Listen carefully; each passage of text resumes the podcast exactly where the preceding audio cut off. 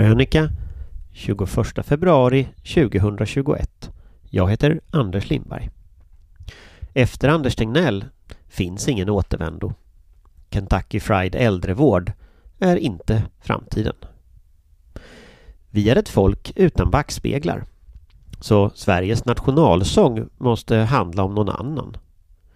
Det skär sig när världens modernaste land samfällt stämmer upp i Du gamla, du fria.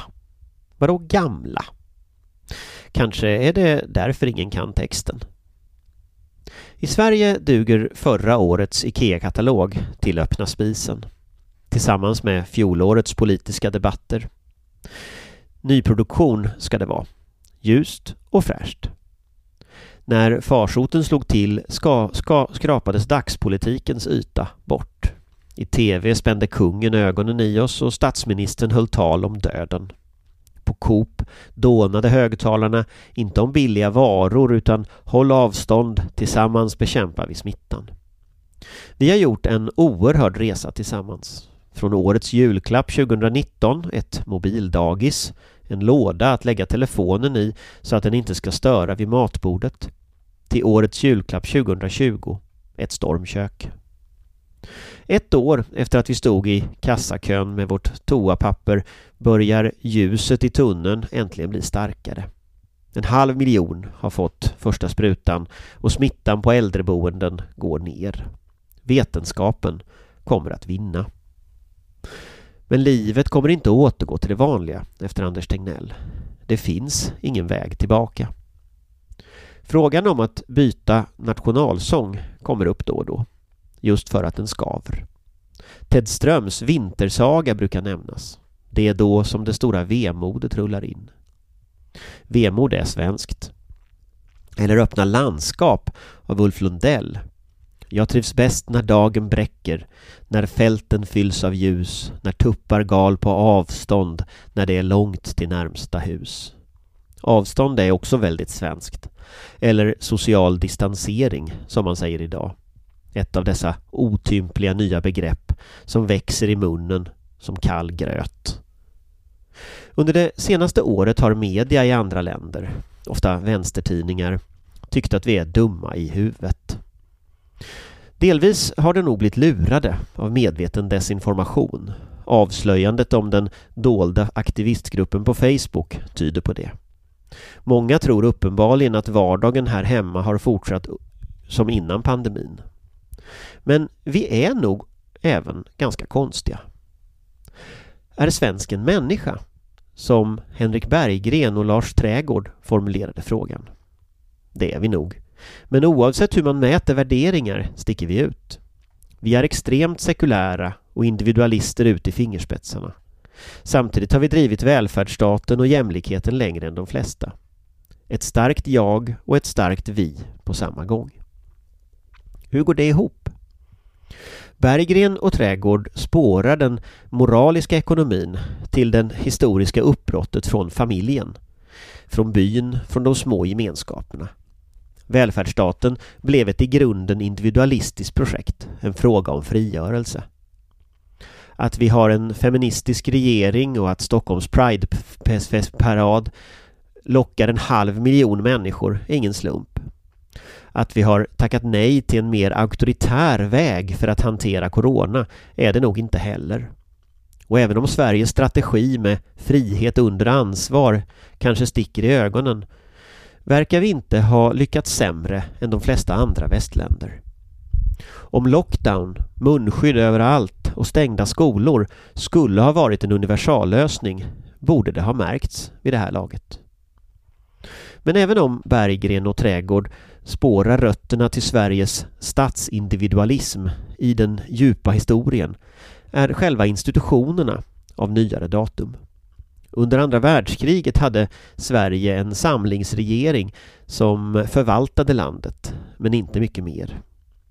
Så vid sidan av regeringsarbetet jobbade därför arbetarrörelsens organisationer intensivt med att ta fram en politik för tiden efter kriget. Man såg ljuset i tunneln och ville vara förberedda. Arbetsgruppen leddes av finansminister Ernst Wigforss och resultatet blev det så kallade efterkrigsprogrammet i 27 punkter. Näringslivet var måttligt förtjust över radikala tankar kring demokratisering i arbetslivet och socialisering av vissa branscher.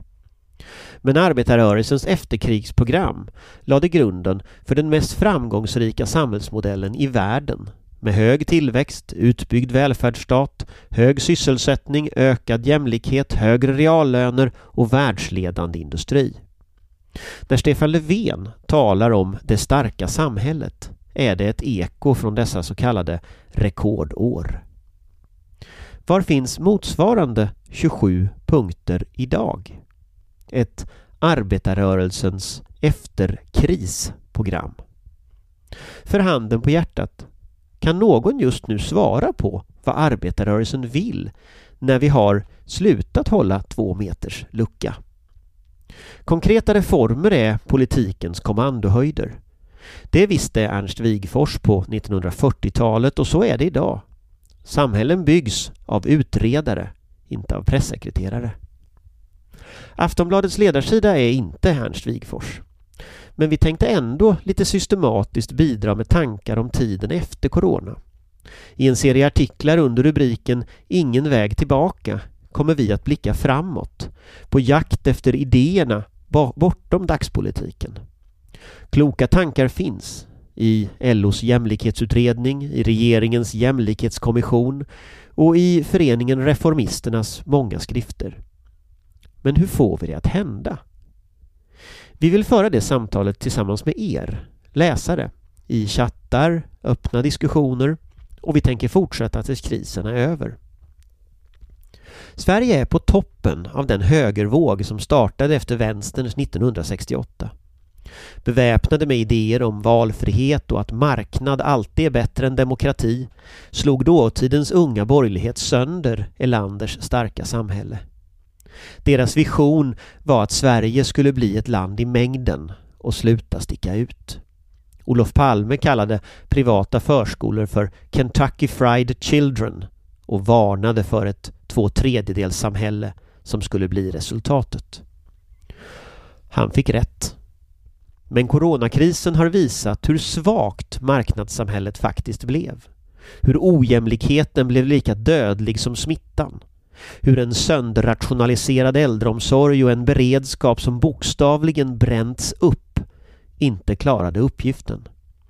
Vi fick inte bara Kentucky Fried Children utan även Kentucky Fried äldreomsorg och Kentucky Fried totalförsvar. Det gick som det gick och nu ropar även nyliberalismens profeter på staten. Men vilka reformer ska stå på vårt efterkrisprogram? Var ligger vänsterns kommandohöjder? Vi vet inte än. Men en vänstervåg startar inte av sig själv. Så, vill du vara med?